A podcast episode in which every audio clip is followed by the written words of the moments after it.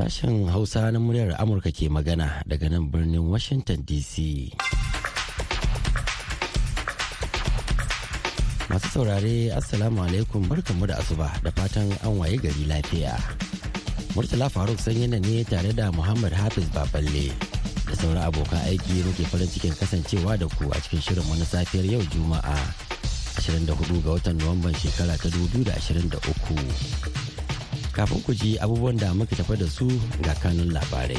A yau Juma'a ne yarjejeniyar da aka kulla tsakanin Isra'ila da Hamas ta fara aiki da misalin ƙarfe bakwai na safe agogon yankin wato ƙarfe biyar agogon GMT. Hukumomi a ƙasashen yammacin Afirka da dama na ƙoƙarin shawo kan cutar mashako da ta barki a yankin ciki har da Najeriya.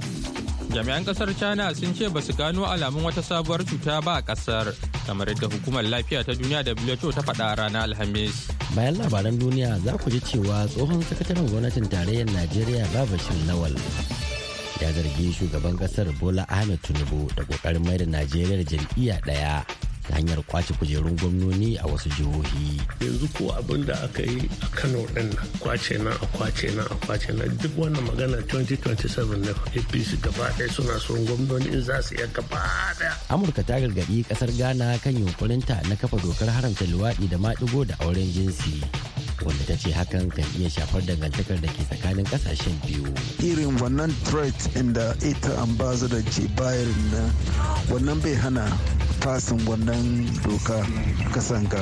Haka kuma za mu kawo muku shirin manuniya kuma kamar kowace ranar Juma'a yau ma za ku ji nasiha daga bakin malamai. To amma kafin nan sai a gyara zama domin jin labaran duniya tukunna. Jama'a assalamu alaikum ga cikakkun labaran duniya. A yau Juma'a ne yarjejeniyar da aka kulla tsakanin Isra'ila da Hamas ta fara aiki da misalin ƙarfe bakwai na safe agogon yankin wato ƙarfe biyar agogon GMT inda aka tsara za a sako rukunin farko na mutanen da aka yi garkuwa da su daga Gaza da misalin ƙarfe huɗu na yamma a cewar ma'aikatar harkokin wajen Qatar wacce ke taimakawa wajen tattaunawa a yarjejeniyar. Kakakin ma'aikatar harkokin wajen Qatar Majid Al-Ansari ya shaidawa manema labarai cewa yarjejeniyar ta farko tun bayan fara yaƙin a watan da ya wuce za ta hada da dakatar da buɗe wuta a arewaci da kudancin gaza.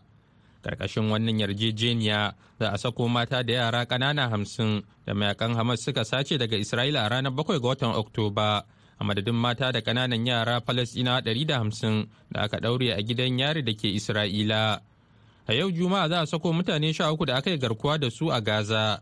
Kuma za a saki karin wasu rukunin waɗanda aka yi garkuwa da su a kowace rana na tsagaita buɗe wuta har sai an sako jimillar mutum hamsin. Hukumomi a ƙasashen yammacin Afirka da dama na ƙoƙarin shawo kan cutar mashako da ta ɓarke a yankin ciki har da Najeriya, inda wani babban jami'in lafiya ya faɗa a ranar Alhamis cewa an yi wa miliyoyin mutane rigakafi domin cike giɓin rigakafin cutar. Akalla mutum 573 daga cikin 11,640 da aka tabbatar sun kamu da cuta a Najeriya sun mutu tun bayan barkewar cutar a watan Disambar 2022 ko da yake jami'ai sun kiyasta adadin a yanzu ya ragu saboda ƙoƙarin jinya wanda zai iya karuwa sosai a cikin jihohi da ba za a iya gano waɗanda suka kamu da dama ba. A jamhuriyar Nijar kuma da ke makwabtaka da Najeriya. Mutum 37 ne suka mutu cikin mutum 865 da suka kamu da cutar ya zuwa watan oktoban da ya wuce. Yayin da ƙasar gina aka ba da rahoton mutuwar mutum 58 daga cikin 497 da suka kamu tun bayan barkewar cutar a watan yuni. Ya zuwa yanzu dai an samu rahoton kamuwa da cutar mai saurin yaɗuwa a jihohi 20 cikin 36 na najeriya. A Najeriya kashi 42 cikin ɗari na yara 'yan ƙasa da shekaru 15 ne kawai ke samun cikakkiyar kariya daga kamuwa da cutar ta mashako a cewar wani bincike na gwamnati yayin da gini ke da kashi 47 cikin ɗari na adadin waɗanda aka yi wa rigakafi waɗanda duka sun yi ƙasa da kashi 80 cikin ɗari da shawarar da hukumar lafiya ta duniya WHO ta bayar kan samar da kariya ga al'umma. Labaran yana zuwa muku ne daga nan sashin Hausa na murya Amurka a birnin Washington DC.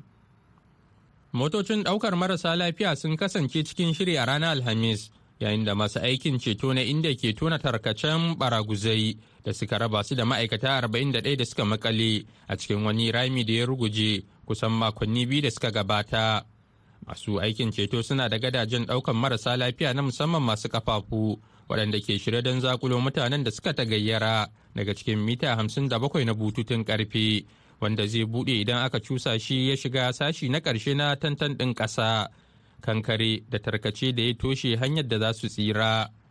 Motocin agajin gaggawa da asibitin tafi da gidanka na jira suna shirye-shiryen tarban mutanen da suke makale a cikin wani yanki na ramin da ake ginawa na ƙarƙashin ƙasa a kogon uttarakhand da ke jihar himalayan cikin kwanaki sha biyu da suka wuce sai dai ana ci gaba da samun tsaiko wanda ya hada da faduwar tarkace da fargabar ƙara samun rubtawa kogon da lalacewar na'urorin haƙar ƙasa yayin da aka samu cikas a ranar alhamis sanadiyar matsalolin na'ura.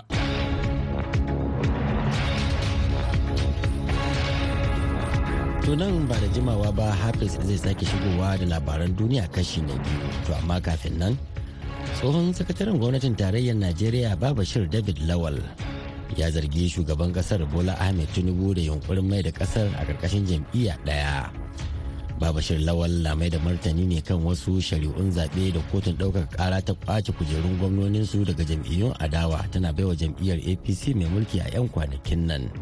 kazalika da kuma naɗe-naɗen wasu mukamai da ya zargi an baiwa wani yanki to sai dai fadar shugaban ƙasar ta musanta wannan zargi daga abuja ga rahoton nasiru adamu el hikaya. Problem nawa da yorubawa kenan. Kana supporting ɗinsu in sun samu nasara sai su mai da shi kaman kai bawa ne.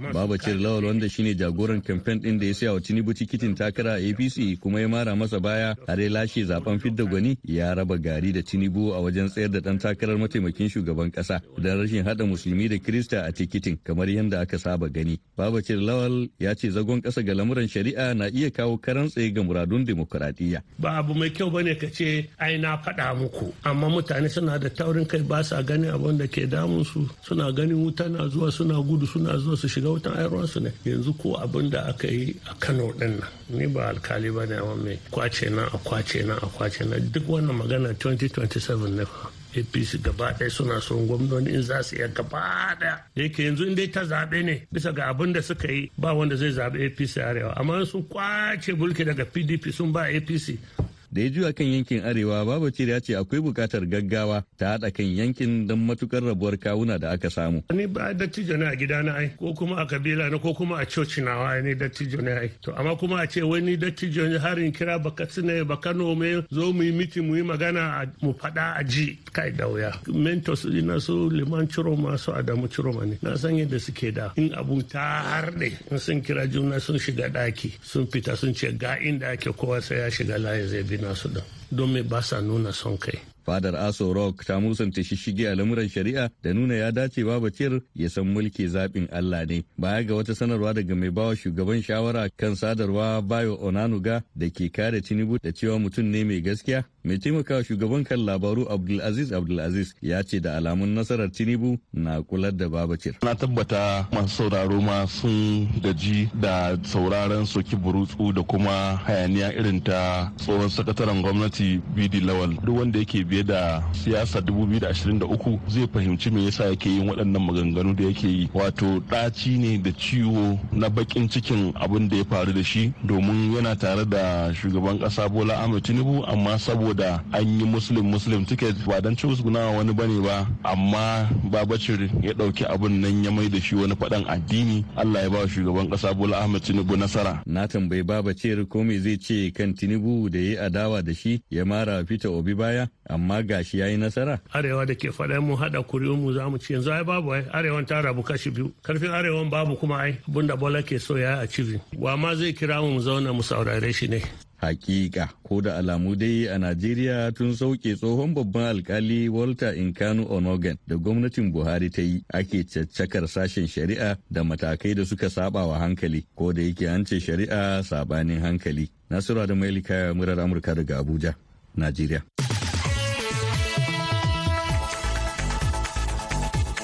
A gaida Nasiru Adamu Hikaya. Har yanzu kuna tare da sashen Hausa na muryar Amurka kai tsaye daga nan Washington DC. yanzu kuma ga hafiz ya dawo da karashin labaran duniya.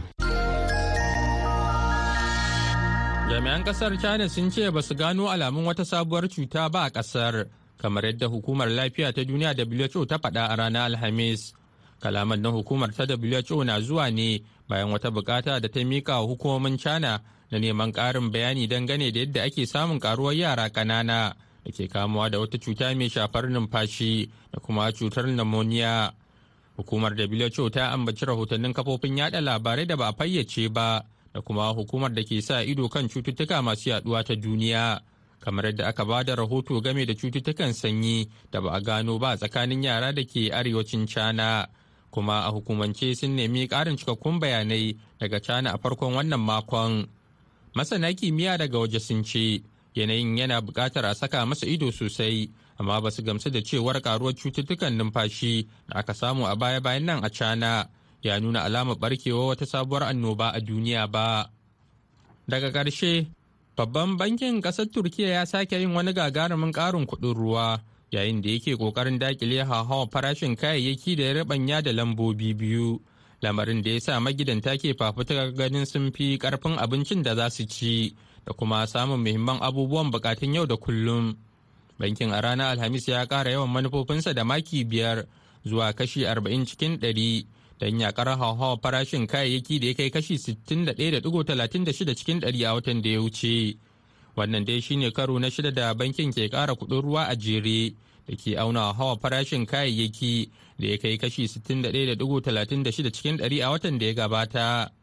hakan dai ya yi hannun riga da mahanga irin ta tattalin arziki kuma da yawa na ɗora laifin akan irin matakan da shugaba erdogan ke ɗauka da ba a saba gani ba wajen magance wannan matsala ta tsadar rayuwa bayan da aka sake zabensa a wani sabon wa'adi erdogan ya naɗa wata sabuwar tawagar masana tattalin arziki wacce ke ta sauya tsarin samar da kuɗin ruwa mai sauƙi. Muhammad Hafiz Baballe kenan ya karanto mana labaran duniya daga nan sashen Hausa na muryar Amurka a Washington DC.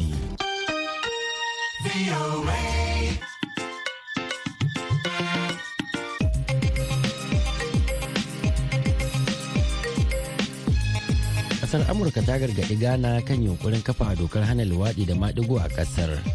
domin yin haka a cewar amurka zai iya shafar dangantakar kasuwanci da zuba jari da ke tsakaninsu to sai dai wasu daga cikin masu ruwa da tsakiya ƙasar sun ce ba gudu ba ja da baya Hamza Adam ya aiko mana wannan rahoto daga birnin Kumasi. If there is discrimination, that will send a signal to not just... Tsokacin da jakadiyan Amurka a Ghana Virginia E. Palmer ta gabatar kenan yayin ganawarta da manema labaru inda ta jaddada cewa Ghana za ta yi hatsara babba ta fannin kasuwanci da zuba jari har in ta amince da kudirin dokar haramcin luwaɗi da madugu da dangoginsu a ƙasar inda take cewa Ghana is a very welcome... Ghana ƙasa ce mai marhaba da kowa kuma akwai ƙarfin dangantaka da fahimtar juna tsakanin addinai. Akwai kuma jituwa tsakanin kabilu. Hakan ya sa ghana ta kasance ƙasa mai ƙarfi da sha'awa ga masu zuba jari. Ina fata ya kasance haka da al'ummar lgbtqi amma idan aka nuna bambanci ga 'yan luwaɗi da madugu a ghana ba masu zuba jari da 'yan luwaɗi kawai zai aika da sigina ba har da saura kamfanonin ƙasar amurka. Sa'annan ghana ba za ta samu karbuwa ga masu zuba jari ba. Ina fatan za ta kasance cikin waɗanda amurka za ta yi marhaba da su wajen kasuwanci. So I hope it will stay welcoming. wani rahoton da sashen kasuwanci ta ƙasar amurka wato us department of commerce ta fitar ya nuna cewa a shekarar 2022 ghana ta samu kimanin dalan amurka biliyan 1.8 sakamakon fitar da kayayyaki irin su gwal da koko da danyen mai zuwa amurka. To sai dai matakin ƙasa huddan kasuwanci tsakanin amurka da ghana sakamakon dokar haramcin luwaɗi da maɗigo da dangoginsu. Zai iya sanya ghana cikin halin kunci musamman yayin da ƙasar ma ke fama da matsalan karyan tattalin arziki in ji shuwaib abubakar masanin tattalin arziki a ƙasar. Kaga muna bukatan dola sosai don saboda ya taimaka ma dollar reserve mu. Mafi yawan abubuwan da muke amfani da shi cikin ƙasar mu Ghana muna sai ne ƙasashen waje kuma da dala muke sai sai shi muna yin dola. Saboda haka in gwamnatin Amerika ta ɗauki mataki zai ya damu tattalin arzikin Ghana sosai. Amma kaga abin da ke akwai shine batun liwadi da madugo wani batu ne da yake mun yi tar da shi. Amma kaga yau inda duniya ta kai nan akwai wasu ƙasashe da yake su saboda wai demokradiyya sun amince da irin abubuwa haka kuma suna da ƙarfi sosai cikin duniya. Misali shine ƙasar amurka.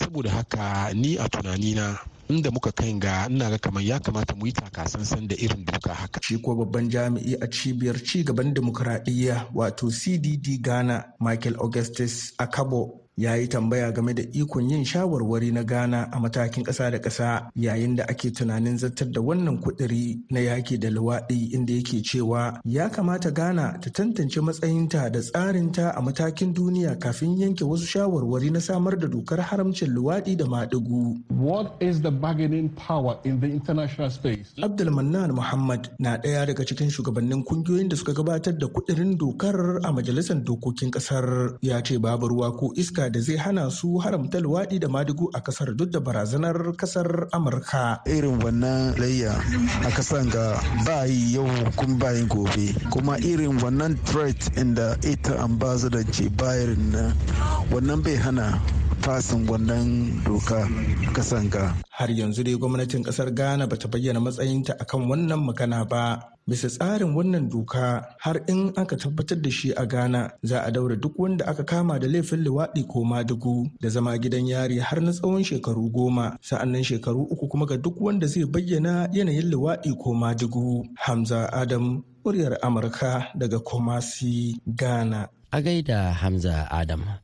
Kada a manta wannan shirin na zuwa muku ne daga nan birnin Washington DC akan mitoci goma sha shida, ashirin da biyar da kuma talatin da ɗaya. A jamhuriyar Nijar kuma za a iya sauraron mu a tashar mu ta VOA Africa akan mita ɗari da biyu da ɗigo biyar. Baya ga haka ko da yaushe ake so za a iya ziyartar shafukanmu na intanet a voahausa.com ko kuma sashen hausa.com. Yanzu kuma ga shirinmu na gaba. Manuniya.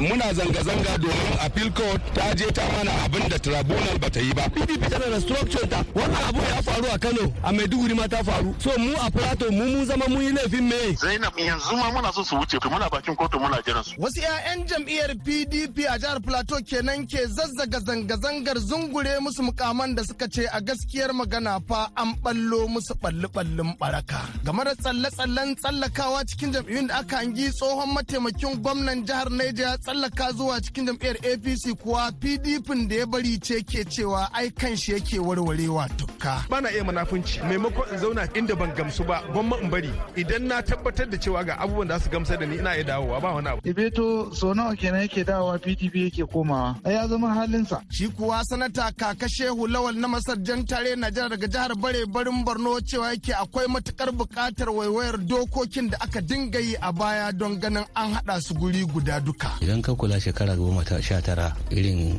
abubuwan da ake yi kamar na yahoo boys kamar wani boko haram kamar wani 'yan ta'adda da sauransu babu shi a kasan nan. To shi yasa muka gan hakki ne a wuyanmu domin mu sa minista na shari'a na kasa wato antony general na kasa ya tattara wayannan dokokin da aka sanya wa hannu suka zama doka. Waɗannan faso mun ta muka tattaɓo cikin tarin muryoyin da za ku za cikin wannan shiri na manuniya.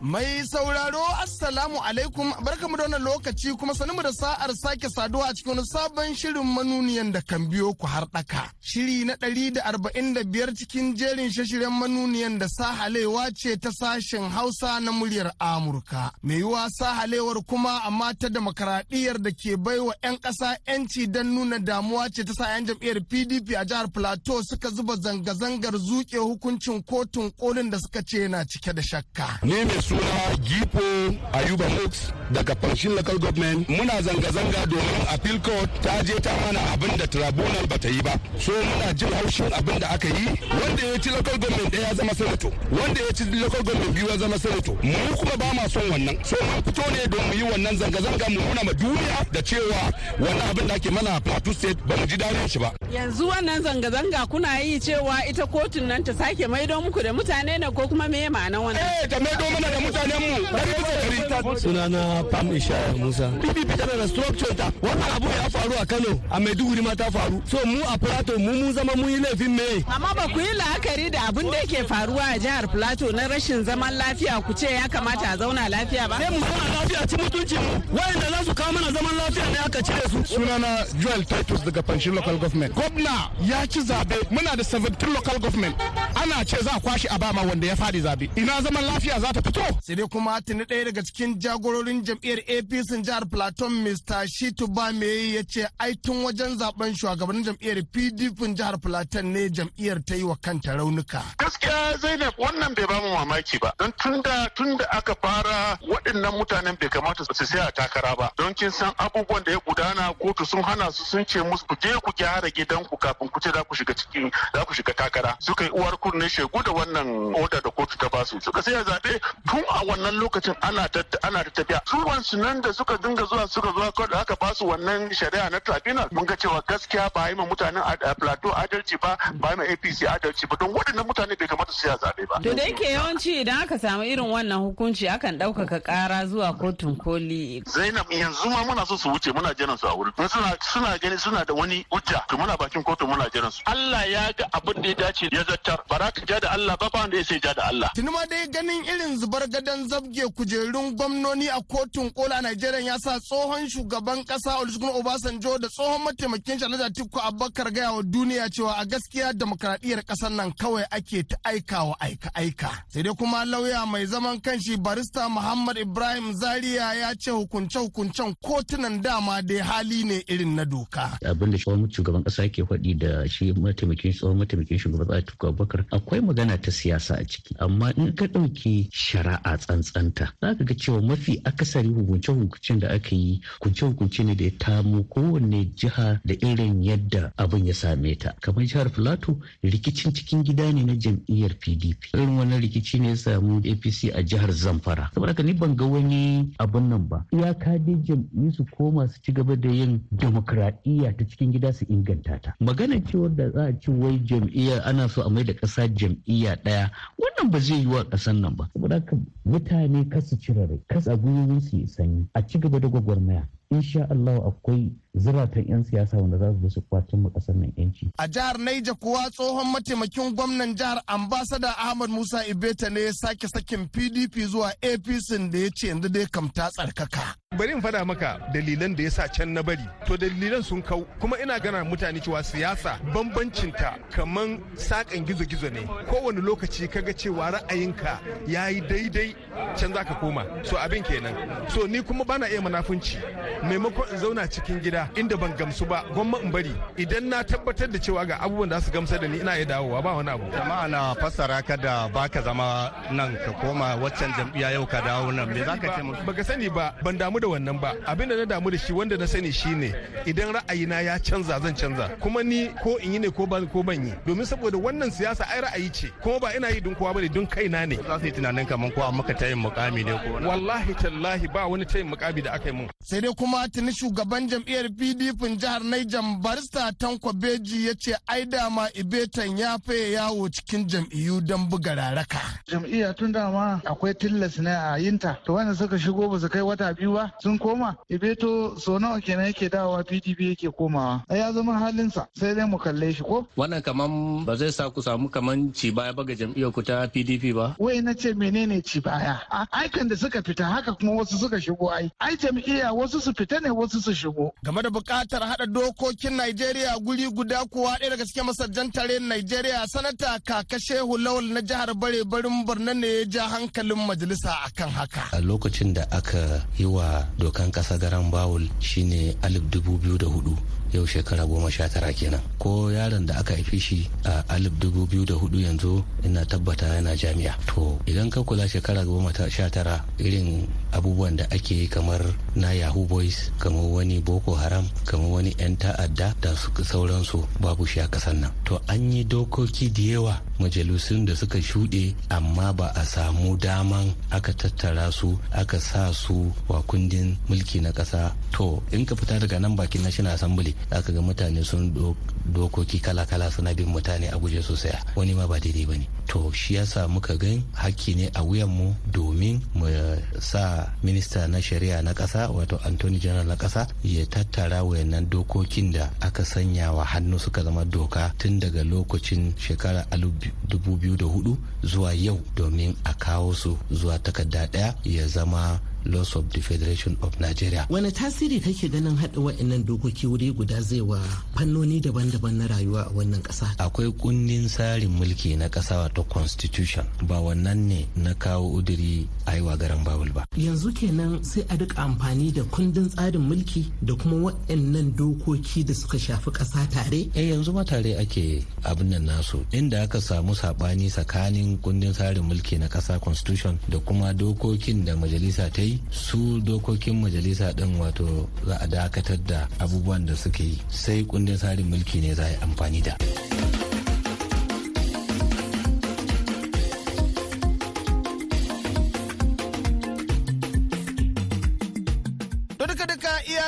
Batutuwan da za mu iya baje muku kenan cikin wannan shiri na manuniya sai dai kafin mu yi sallama sai mun sanar da dukkanin masu da fifin dafe mu da iko cewa kwanakin da ake keɓe musu fa ƙara ƙarewa suke kullun kwanan duniya saboda haka akwai buƙatar su farka. Domin kuwa daga juma'a nan ma saura kwanaki dubu ɗaya da ɗari biyu tamanin da ɗaya ne su yi sallamar sakin kujerun da dama su ke zama musu dirka. Kuma a madadin dukkanin abokan aikin da kan taimaka wajen tabbatar da wannan shiri ya zo muku musamman dai mustapha nasiru batsarin jihar naija da zainab babajin jihar plateau da maman manuniya madina daudan da kan yi daudalar dawo da muryoyin da kan kara wannan shiri ɗaukaka ni isa lol ikara da kan shirya gabatar ne ke cewa sai kun mako idan allah ya sake sada mu a cikin wani sabon shirin na manuniya.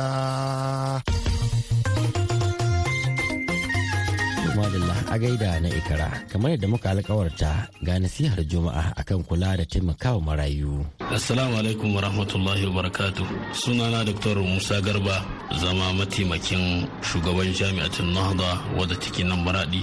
Za mu yi magana a wannan juma'a akan maraya. To lalle maraya babban mutum ne a wurin allah saboda ubangiji subhanahu wata'ala ya ɗauki ɗawaine shi sosai wurare daban-daban a cikin Kur'ani. Ana tambayin maza Allah sallallahu Alaihi wasallam game da dukiyar da ya kamata a hidda a ba da. Sai Allah ya ce abin da ya yi daga cikin dukiya idan ka hidda ya ce ka ba iyayenka. Su ne na farko. Sai ya ce wal na sannan makusanta 'yan uwanka. Na biyu sai ya ce wal yatama. Ubangiji subhanahu wata'ala bai manta da su ba nan. A cikin suratul nisa Allah maɗaukakin sarki ya zano haƙƙin shi sai ya zano haƙƙin iyaye sannan kuma sai ya sa haƙƙin marayu. Kenan a cikin dukiyoyinmu akwai haƙƙi na maraya. Maza Allah sallallahu alaihi wasallam ya kwaɗaitar duk mutumin da ke ɗaukar ɗawainiyar maraya to haka yake da shi a ranar tashin kiyama kamar yadda ka san 'yan yatsunka guda biyu da manuni da wanda ke kusa da shi a cikin gida aljanna. Maza Allah sallallahu alaihi wasallam ya ƙara bayani a cikin wani hadisi wanda yake cewa Allah yana tada ni da ni da maraya kamar yadda ka san waɗannan 'yan yatsun guda biyu. Don haka al'umma kula da maraya abu ne mai muhimmanci a cikin wannan rayuwa tamu. Assalamu alaikum wa rahmatullahi wa barakatu to da wannan kuma muka zo ga shirinmu na ƙarshe wato labarai amma a taƙaice.